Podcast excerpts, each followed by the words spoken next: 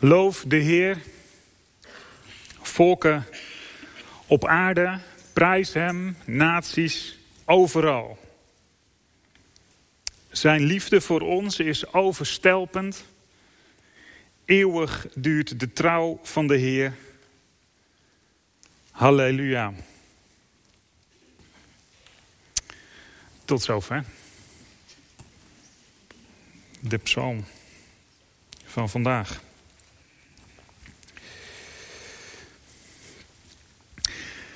Ja mensen, hoe is het om weer te zingen? Word je een beetje blij van? Ik zie wat geknik hier en daar. Sommige mensen kijken snel naar beneden.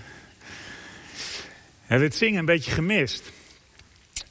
Ik uh, had in de Nieuwe Kerk had ik een keer in de lockdown tijd, dus in Utrecht, had ik er uh, een Mentimeter gebruikt. Zo dat je vanaf afstand uh, kunt stemmen op allemaal dingen. Het gaf mij een beetje het gevoel dat ik niet alleen met een camera en een paar mensen was, maar dat er ook allerlei mensen vanuit huis zeg maar, verbonden waren, vanuit de kamers. Dat gebeurde ook een beetje. En toen had ik de vraag gesteld, um, wat mis je nu het meest? En dan konden ze uit een stuk of zeven dingen kiezen. Uh, avondmaal, samen bidden, samen koffie drinken, samen praten, uh, zingen. Nou, drie keer raden wat bovenaan stond. Samen zingen. Avondmaal stond ergens onderaan, dat is ook nog wel een dingetje, maar daar ga ik het een andere keer over hebben. Maar zingen stond bovenaan. Het zingen wordt en werd het meeste gemist. Want ja, als je thuis ik weet niet of het je lukte om via de stream en zo mee te kijken. Um, maar dat voelt hè, meteen, je kijkt mee. Je bent niet helemaal onderdeel van het geheel. Minder dan dat je in de kerk bent. Althans, dat is mijn ervaring. En dat hoor ik ook wel wat om me heen. En dan, ja, dan wordt er gezongen en zing je dan mee. Wie zongen er mee? Nou, um, meezingen. En uh, ik zat dan ook met mijn kinderen op de bank. Uh, met z'n allen zo heb een rijtje jongens.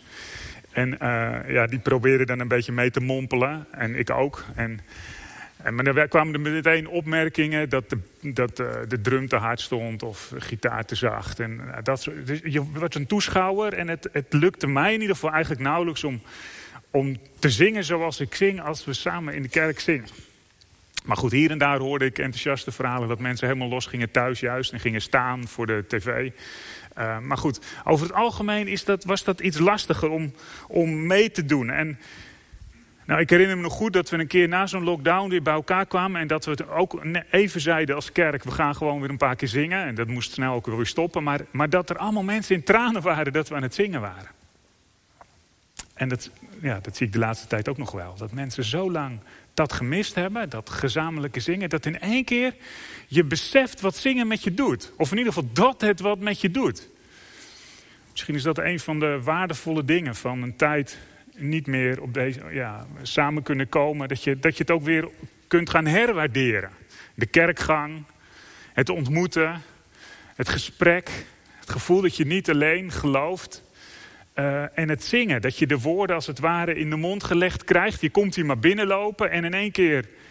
Ja, je zit nog maar net en Psalm 118 ging aan, zeg maar. En je, en je wordt meegenomen. En je wordt uitgenodigd om mee te zingen. Een lied wat je misschien niet, nou ja, niet aan toe was. Maar ja, het gebeurt. Dat is natuurlijk wat er in de kerk gebeurt. Je wordt maar zo meegenomen. En dan als je dan samen zingt, dan doet het iets. Maar de vraag is natuurlijk, wat dan eigenlijk? Misschien goed om over door te praten straks. Wat doet zingen nou met je? Waar word je nou blij van als je zingt of, of, of juist niet? En wat doet dan dat gezamenlijke zingen? En, en in hoeverre helpt het als er een enthousiaste begeleiding bij is? En um, word je dan meegenomen en ook op deze plek? De plek waar je samenkomt als je dan zingt. Um, nou, die begeleiding, ik heb altijd de neiging om te zeggen, dat is niet het allerbelangrijkste. Even met alle respect voor de muziekgroep. Het is fantastisch als het mooi klinkt, maar dan denk ik altijd van ja, dat is niet het belangrijkste. Maar ik zat wat te bladeren in het Oude Testament. Over de tempeldienst. En het trof me, ik ga dat niet helemaal hier uit de doeken doen, maar het, het trof me met hoeveel aandacht er ook gesproken wordt over de eredienst en dan de, de lofzang in de tempel. Dat er... Uh, levieten waren die vrijgesteld waren. Ja, zeg maar professioneel om, om muziek te maken. En dat er mensen zongen. En ook daarvoor nou ja, de tijd kregen om eigenlijk een soort voortdurende lofzang was dat in de tempel. Er werd natuurlijk voortdurend geofferd, maar er werd ook voortdurend muziek gemaakt. En, en er, waren, er waren dagen, op de hoogtijdagen, dat het echt helemaal losging. Dat er honderden muzikanten waren. Trompetisten. En dat het een kabaal was en dat de mensen gingen zingen. Daar is in stadion zeg maar niks bij. Um, en nou kijk ik altijd een klein beetje jaloers naar het stadion. In Utrecht heb je zo'n zo FC Utrecht. Nou, maar die kunnen ontzettend lawaai maken. Dat hoor je door de hele stad.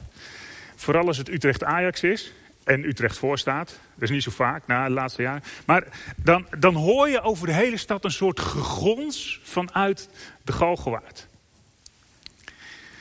En daar ben ik altijd een beetje jaloers op. Dat ik denk, wow, wat een enthousiasme. Kunnen we dat ook een beetje in de kerk met elkaar? Zo enthousiast, zo nou ja, ook wel dus lerend van, van, van die tempeldienst waar, waar een enorme enthousiasme van uitging en waar allemaal liederen waren die pasten ook bij de liturgie die gezongen werden. Ook de lofliederen, maar ook andere liederen natuurlijk. Um, soms overweldigd, overweldigend en massaal. En dan dacht ik, heeft God dat nu nodig? Heeft God het nu nodig dat wij Um, alles wat we hebben, alle energie, alle creativiteit, al onze kunde geven om, om God te aanbidden op een prachtige manier. Heeft God het nu nodig? Uh, dan dacht ik, ja, kijk. God hoort het geroep van de jonge raven, staat er in de Bijbel. Nou, die maken, dat is niet zo'n mooi geluid. Althans, dat is subjectief. God vindt dat dus mooi. Dus dat dacht ik, als hij dat mooi vindt, dan, ja, dan vindt hij elke... Als je heel vals zingt, dat maakt hem eigenlijk niet uit. En als het niet werkt met de muziek en zo, als het allemaal door elkaar gaat, dat maakt hem eigenlijk niet uit. Als je al een beetje kan gitaar spelen, kom, doe maar, doe maar mee. Want voor God maakt het eigenlijk niet zoveel uit. Er staat zelfs in de Bijbel dat hij op, op het geroep of het gekrijs of het gehuil van, van baby's, dat hij, dat, hij daar, dat hij dat gebruikt om zijn macht te tonen. Psalm 8. Ehm, dus dat waardeert hij. Dus, dus ja, heeft God het nu nodig? Aan de andere kant, misschien ken je die tekst wel uit Psalm 22, vers 4. Daar staat dat, dat de Heere God troont op de lofzangen van Israël. Dus daar waar er gezongen wordt, daar wordt God koning. Niet door allerlei uiterlijk vertoon qua, qua ja, dan kun je natuurlijk best aan, met aandacht uh, hoe je, de, hoe je zo'n kerkruimte in, uh, inricht en zo. En, en, en, maar God is daar niet zozeer op uit, maar hij wordt koning op het moment dat we zingen. Dan troont hij. Dus als we net zo aan het zingen waren, dan, dan geven we als het ware al zingend, geven we God een plek om te tronen, om koning te worden. Um, ja, en, en als hij dan koning wordt door, door door ons gezangen heen, dan is het natuurlijk prachtig om te geven wat je hebt. Het beste wat je hebt te geven in de lofprijzing voor onze koning. En als hij troont op onze lofzangen, dan zou je ook kunnen zeggen, dan, ja, dan geniet hij daar. Dus dan heeft hij dat dus nodig. Hij heeft onze lofzang nodig om koning te worden. Hij nodigt ons uit om te antwoorden.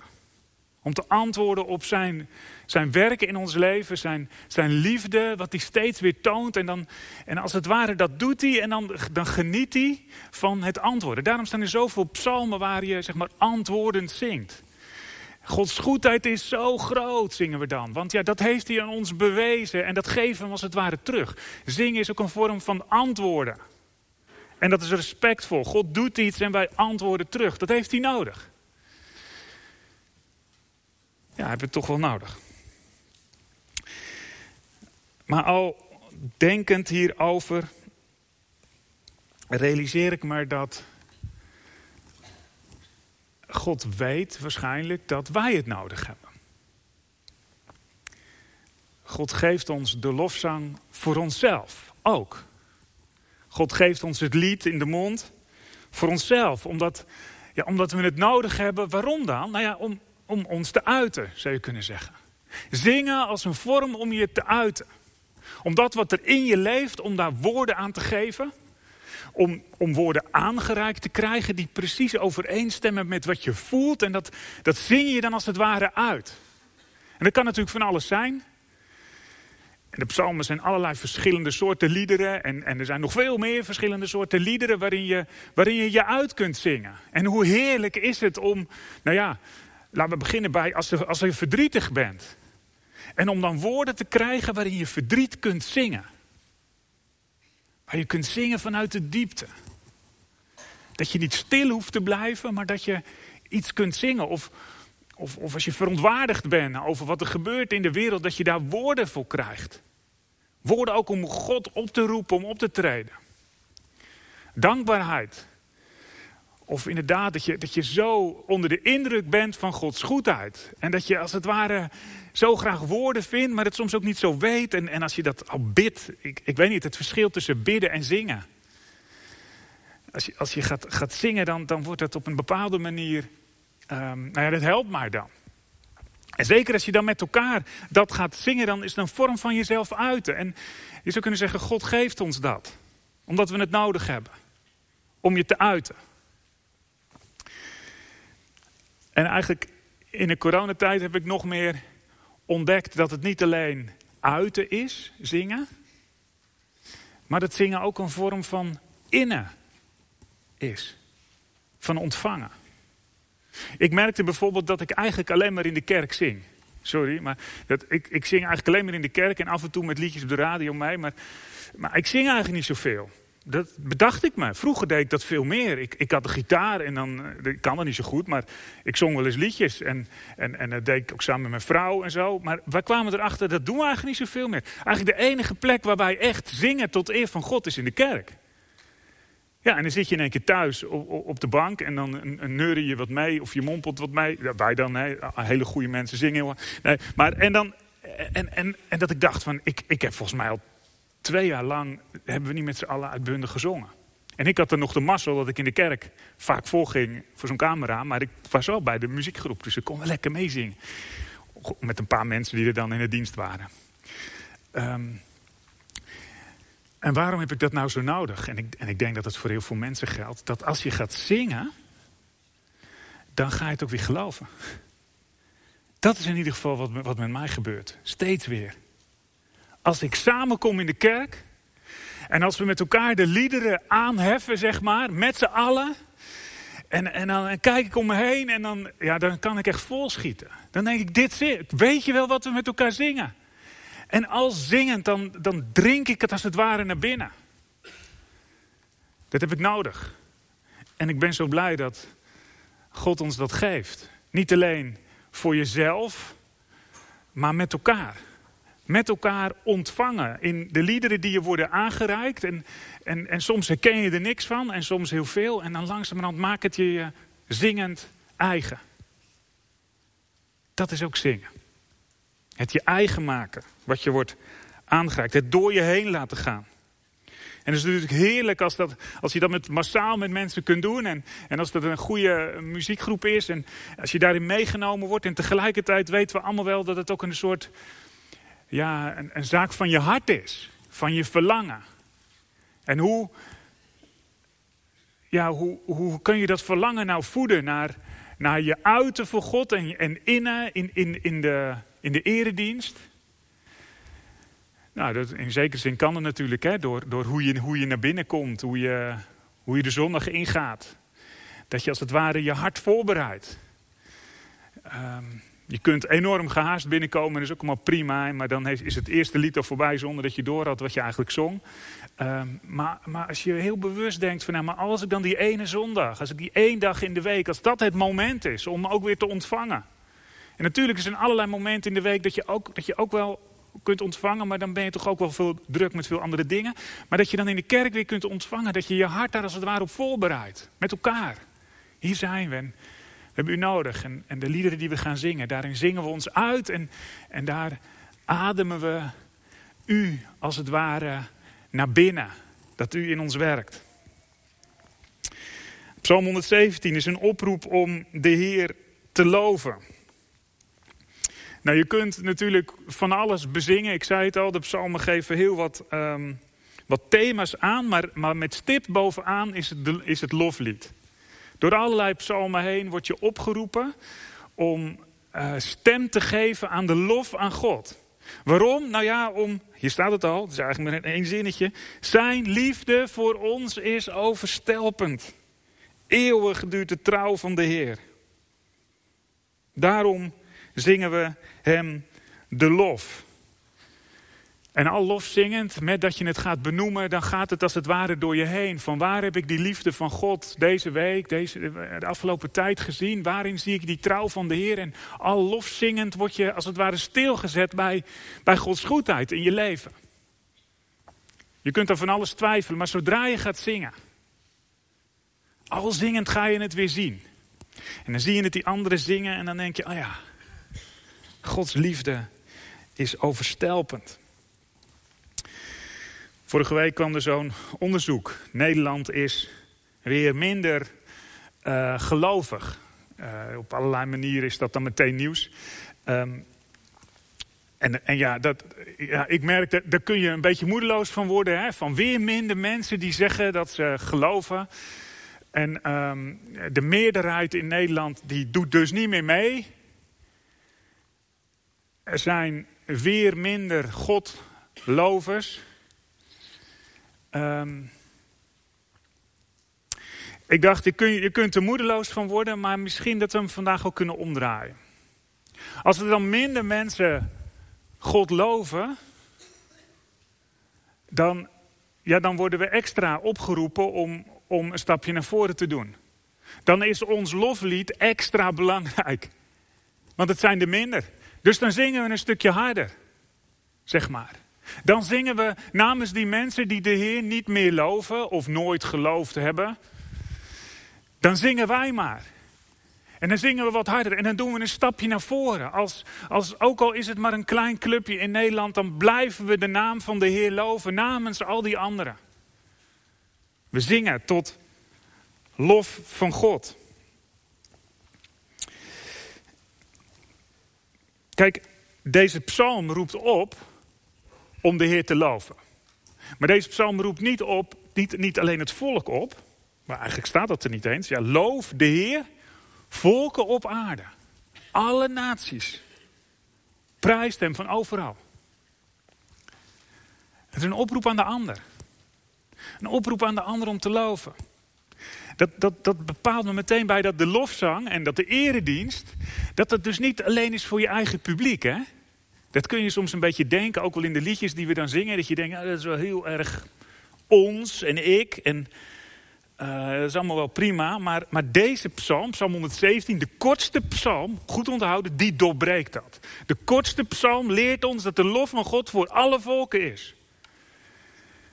En dat Gods liefde voor alle volken is. En dat we, dat we altijd worden uitgedaagd om, om niet met ons clubje bij elkaar te zitten. En dan met elkaar een beetje zo voorzichtig de naam van de Heer. Met ons eigen, met de deuren dicht en zo. Maar, dat het voor alle volken is. Dat alle volken worden uitgenodigd. Het volk Israël beleidt hier dat hun God geen stammengod is. Geen God alleen van Israël. Dat dachten ze wel vaak. Zo hebben ze ook wel vaak geleefd. De Heer alleen voor ons en niet voor die ander. Maar juist de psalmen, en juist deze psalm, zegt ze en leert hen zeggen: alle volken. En dat, terwijl deze psalm, voor zover we weten, ontstaan is na de ballingschap. Al die Hallel-psalmen vanaf 113 tot 118, die lofpsalmen, die zijn ontstaan na de ballingschap. Nou, de ballingschap, daar had het volk Israël zijn lesje geleerd, zou je kunnen zeggen. Ze waren teruggekomen en ze waren marginaal. Ze waren maar klein en onbetekenend. Een speelbal van de machten. En juist dan roepen ze naar alle volken. Wij zijn heel klein en we roepen naar alle volken, loof de Heer. Ik dacht, dat vind ik eigenlijk wel mooi. Als we dan die cijfertjes in Nederland horen, dan, dan, dan, dan wordt het kleiner. Maar goed, Israël was nog veel kleiner in verhouding met de volken. En, en dan zeggen we, ook hier in uh, Nijkerk, Amersfoort, Vathorst, in Vathorst. Ik reed net fout. Ik reed naar Nijkerk. Ik zat zo, en toen was ik zo dus de afslag uh, voorbij. Toen dacht ik, waar moet ik ook weer heen? En nou, ik kwam er. Um, Vathorst, ja, misschien weet hoeveel gelovigen zijn niet. Zijn er ook minder godlovers? Hier zitten godlovers. En die stappen naar voren en die zingen. En die zingen niet alleen elkaar toe, maar die zingen zeg maar de, de stad toe. Loof de Heer. Je, ik heb de neiging om in discussie te gaan. Van de week ook nog wel weer een paar van die mensen die, die, geen God, die zichzelf geen godlover noemen, maar godontkenner. Atheïst, zeg maar. Ik geloof niet, maar ik vind het wel interessant. Hoe zit het dan bij jou? En dan merk ik, dan ga ik allemaal argumenten bedenken. En, en dat vind ik ook altijd wel leuk. En een beetje zo prikkelen. Nou, vandaag leer ik dit lesje van, van, van het volk Israël, van deze psalm. Loof. Doe maar gewoon even mee. Kom er maar eens bij. Kijk, en het is, geen, het is niet een oplossing en zo, hè, helemaal niet. Maar, maar soms denk ik dat die vrijmoedigheid vind ik ook wel weer mooi. Ik, ik kan wel de hele tijd gaan discussiëren met iemand en dan zitten we in ons hoofd en zo, maar doe maar eens gewoon mee. Ik was gisteren bij een alfa groep van de Nieuwe Kerk, die hadden een alfa cursus en ik sprak een meisje. Uh, meisje, jonge vrouw, 25 jaar, die was, dat is trouwens dan weer opvallend hoe dat gaat, hè, maar die was gewoon nieuwsgierig. Die is geïnteresseerd in cultuur en die was nieuwsgierig. Die dacht, die had ook gelezen van, uh, dus het wordt steeds minder in Nederland. Dat had ze al een tijdje geleden. Maar wat geloof ik nou eigenlijk? Want alles wordt overboord gegooid. Of wat geloven die christenen nu eigenlijk?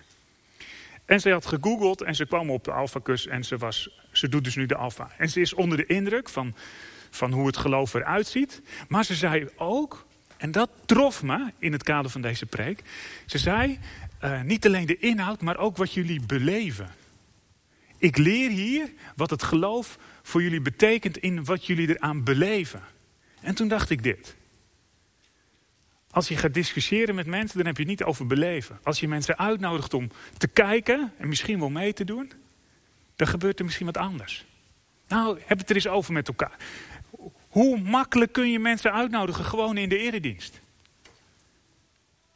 Dat, je, dat ze uitgenodigd worden om mee te doen. Misschien zit je hier trouwens wel. Misschien ben je wel meegenomen. Zou natuurlijk kunnen. Ik hoop dat je, dat je, dat je, dat je iets van die beleving proeft.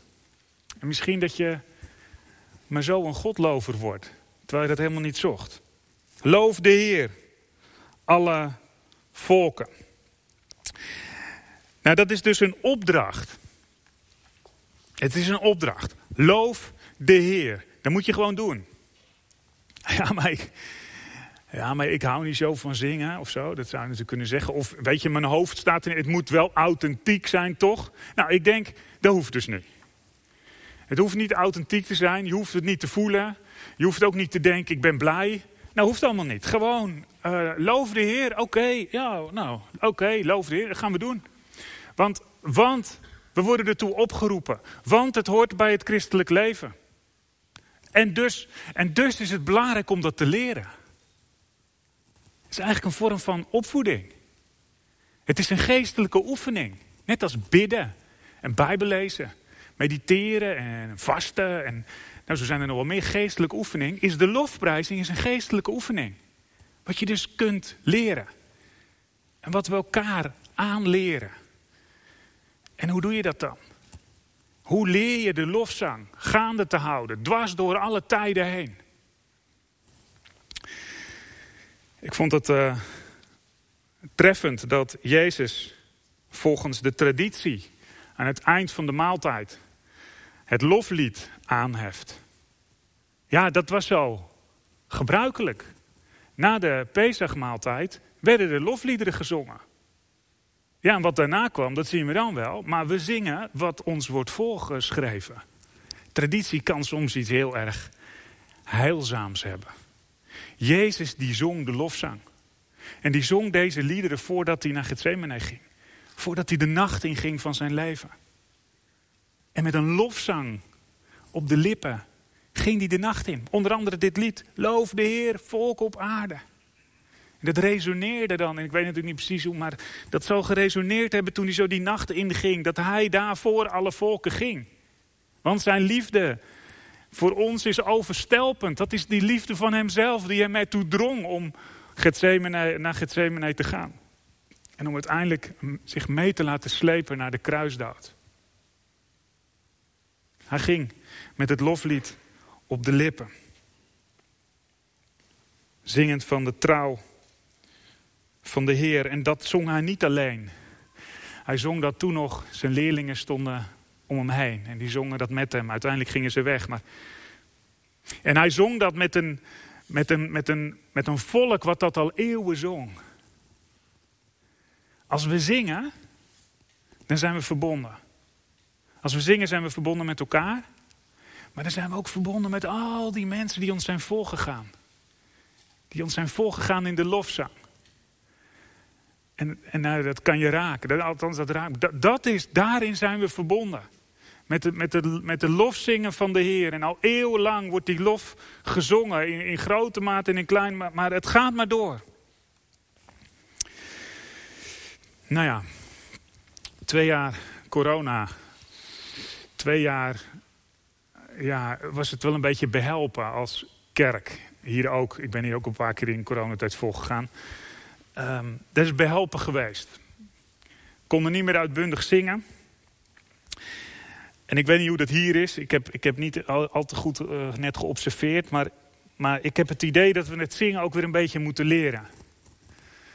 Om met elkaar de lof van de Heer te bezingen. En om ons mee te laten nemen. In de lofzang. Loof de Heer. Ik zou zeggen, oefen daar maar dan weer in. Een stapje naar voren. Een stapje luider. Niet om jezelf te overschreeuwen. Maar gewoon. Uit gehoorzaamheid. De Heer loven. We worden ertoe uitgenodigd. We gaan straks dat nog weer doen met een lied. Laten we eerst stil zijn voor God.